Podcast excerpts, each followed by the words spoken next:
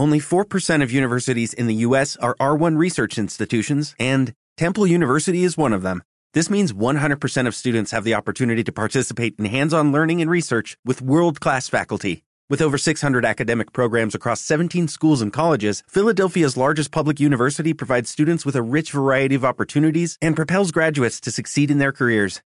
Temple University. Schedule a campus tour today at admissions.temple.edu/visit.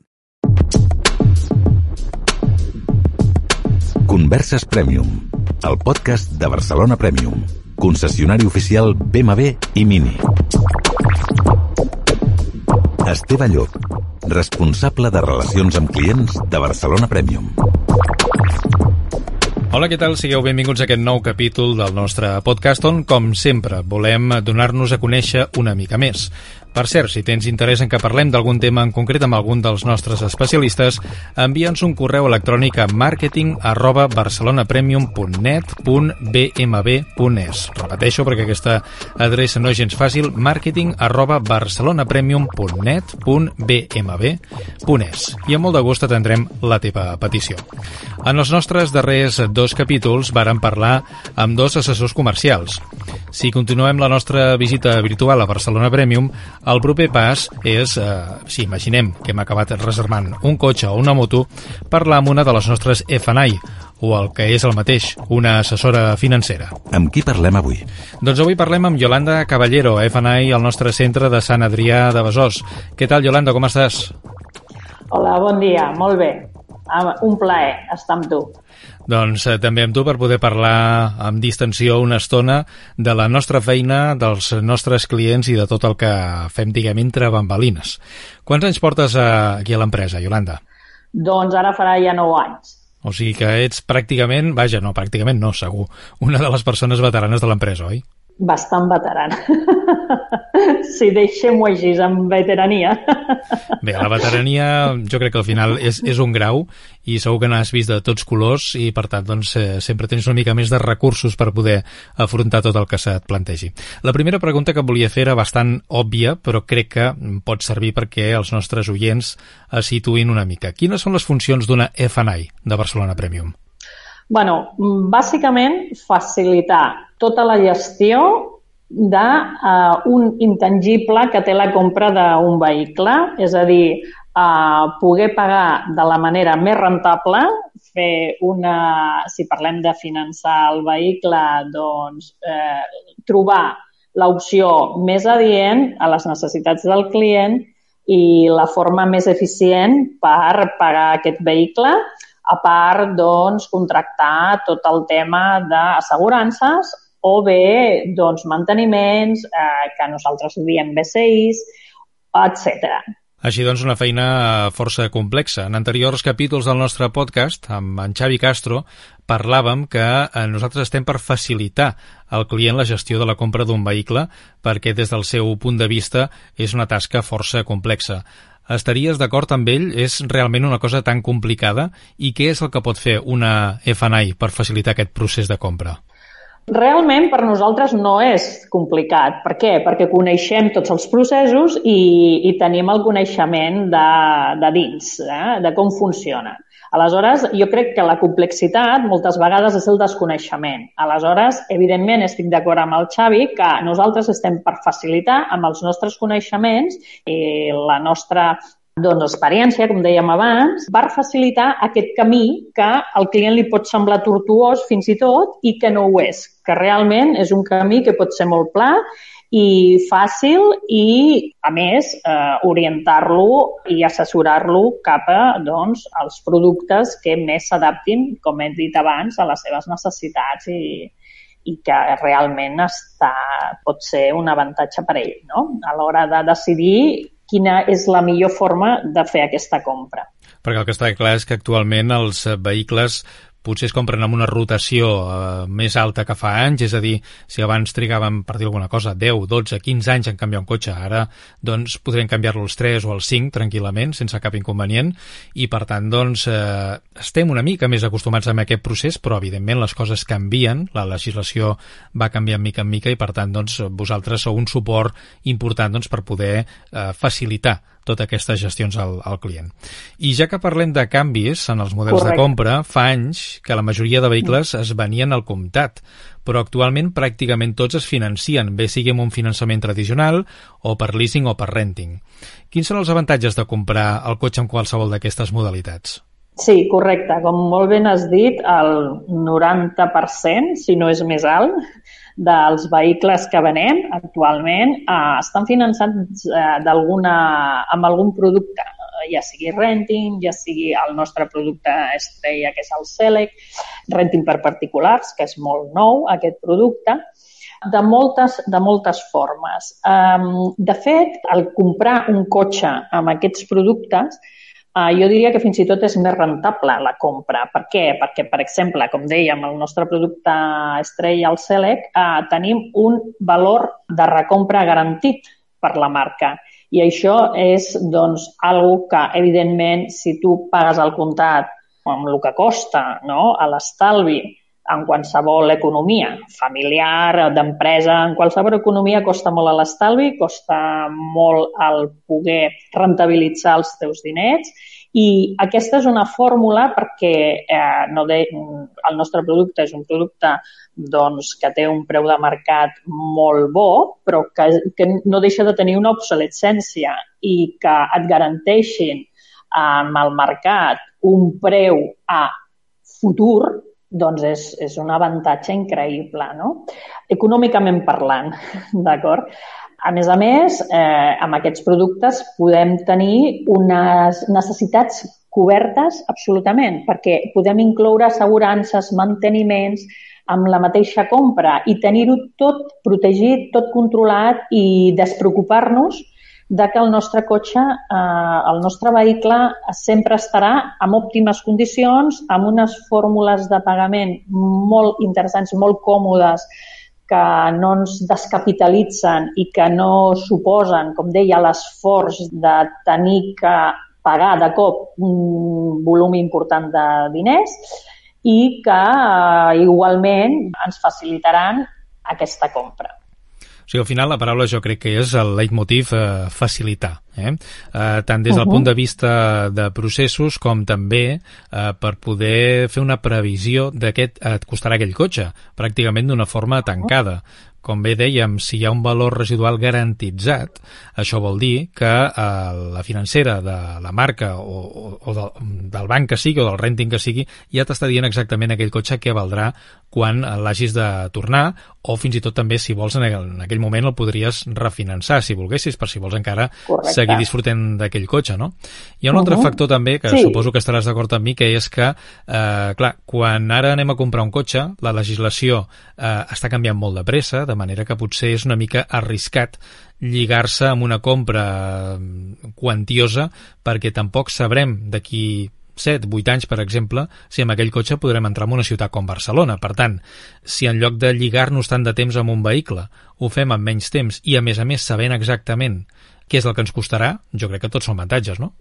La veritat és que sí. Uh, o sigui, nosaltres, a més, podem oferir al client val, la possibilitat de canviar-se en qualsevol moment el vehicle perquè eh, si financia, si compra amb aquests productes de pagament tan interessants que li podem oferir, perquè ja no és un finançament, jo crec que és una modalitat de compra diferent que ajuda a tenir un futur assegurat, que això és dir molt, val? amb un vehicle i amb un bé amb obsolescència, com hem parlat.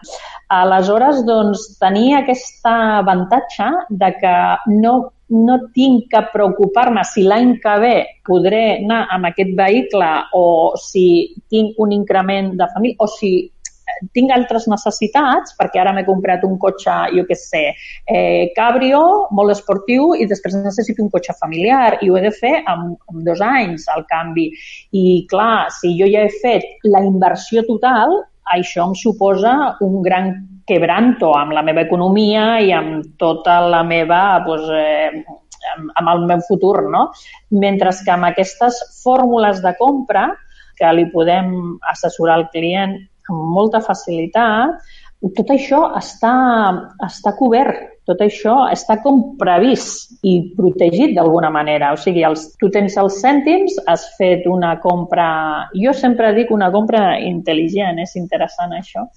I, i al final una compra que estalvia, estalvia la possibilitat de, de tenir que canviar en un moment poc oportú i que aleshores em reporta doncs, una despesa addicional eh, molt gravosa no? per la meva economia. Aleshores, tot això es pot evitar i quedaria, quedaria cobert i quedaria contemplat amb els nostres productes. Converses Premium el podcast de Barcelona Premium. Molt bé, no sé si et sembla, Yolanda, convenient, jo crec que sí, perquè aquí estem, com dèiem, per facilitar les coses, en aclarir també conceptes. Quines diferències podríem dir, així a nivell bàsic, que hi ha entre les modalitats de finançament tradicional, el leasing i el renting? El renting és, és una compra que, que és un lloguer pur, val? la propietat no és teva, a nivell um, específica per eh, professionals de la, que, que, que facin molts quilòmetres, etc etc. Aleshores, sí que és un producte molt adient uh, per perfils concrets. Val? Uh, el leasing, estem parlant de que fa anys era un avantatge fiscal, sobretot per a empreses, bueno, només està destinat, estava destinat i continua a empreses i professionals, per tant, també és un producte molt específic, molt determinat per activitats professionals i que ara ja les avantatges fiscals realment doncs, doncs ja no tenen incidència perquè ja no és un problema de producte financer, sinó de tipus d'activitat econòmica.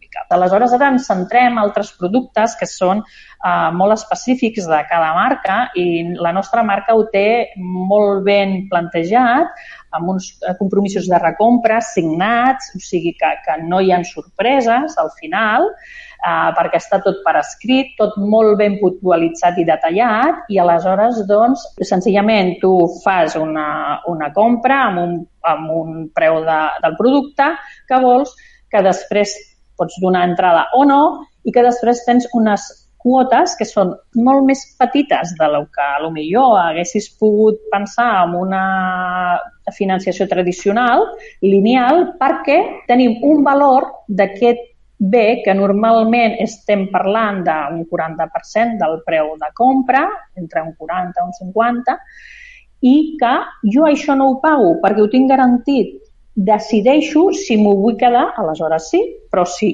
necessito fer un canvi o vull fer un canvi o m'emociona, m'emociona fer el canvi, doncs només hauré pagat aquelles quotes de l'ús que jo li he, donat, li he fet amb, aquests, amb el temps que, que estigui fent servir aquest vehicle. Per tant, és un producte que s'ajusta molt als temps d'avui i sobretot, com dic, perquè no necessito descapitalitzar-me al 100% fent la compra i sobretot perquè tinc un valor de futur garantit, que això és com paraules eh, miracloses perquè bueno, doncs el futur ningú ho té garantit.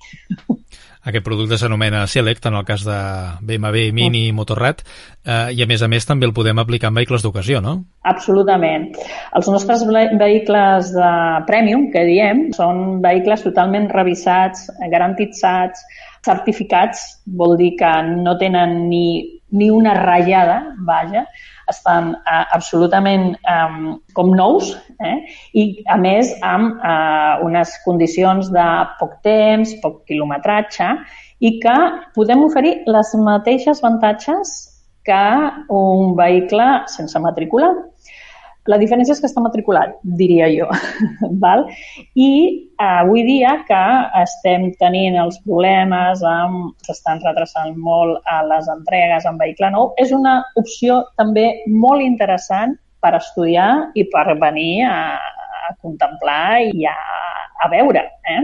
Doncs que ho tinguin en compte els nostres futurs clients que hi ha aquesta possibilitat. I ja per anar acabant, Yolanda, hi ha un tema bastant farragós que és el, la, diguem, la recollida de documents personals dels clients que s'han de presentar a les financeres per poder analitzar els riscos de la seva operació.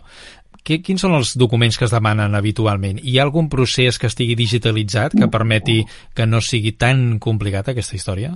Està absolutament tot digitalitzat. A més, avui dia tothom presenta la seva renda no? per, per internet, amb el programa Padre, etc. I també amb les nostres empreses les nòmines també estan digitalitzades, les rebem per correu electrònic i és la manera de treballar. Avui dia ara he parlat de dos documents, no? com són una nòmina, una renda, amb empreses n'hi ha doncs, alguna cosa més a afegir, però són coses públiques, coses que tothom té per la mà, que si tu ets un professional, el teu gestor ho té, amb, eh, bueno, ens ho pot remetre per mail, el procés és molt senzill, molt ràpid, tot està telematitzat, Uh, fins i tot, ara ja no cal fer firmes presencials, fins i tot tots els nostres documents es poden signar telemàticament doncs, els processos que ara doncs, s'han complicat per al tema de protecció de dades, tot això es pot eh, estar digitalitzat,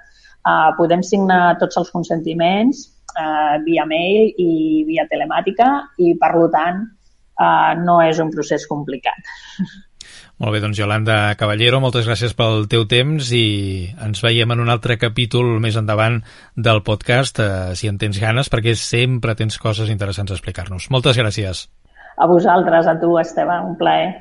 I els que ens esteu escoltant, recordeu que si voleu anar seguint el nostre podcast, us podeu subscriure a qualsevol de les plataformes on publiquem aquest programa. Així rebreu un avís al vostre telèfon mòbil o ordinador personal cada vegada que publiquem un capítol nou. Ens podeu escoltar a Spotify, Amazon Music, per exemple a Alexa, si teniu compte Premium, podeu demanar aquest podcast buscant per Conversaciones Premium i també ens trobareu a iTunes i a iBooks e-books, millor dit, perquè ho sapigueu com s'escriu, que és una mica complexa, és i llatina b baixa o o x. e-books, aquí ens podreu trobar. Doncs eh, fins a la propera, que vagi molt bé. Gràcies per la vostra atenció. Cada setmana et convidem a conèixer una mica més de Barcelona Premium a Converses Premium. Si no vols perdre't cap capítol del nostre podcast, pots subscriure't de franc a iBooks, Spotify o Amazon Music. Barcelona Premium, el teu concessionari BMW i Mini. Fins al pròxim capítol.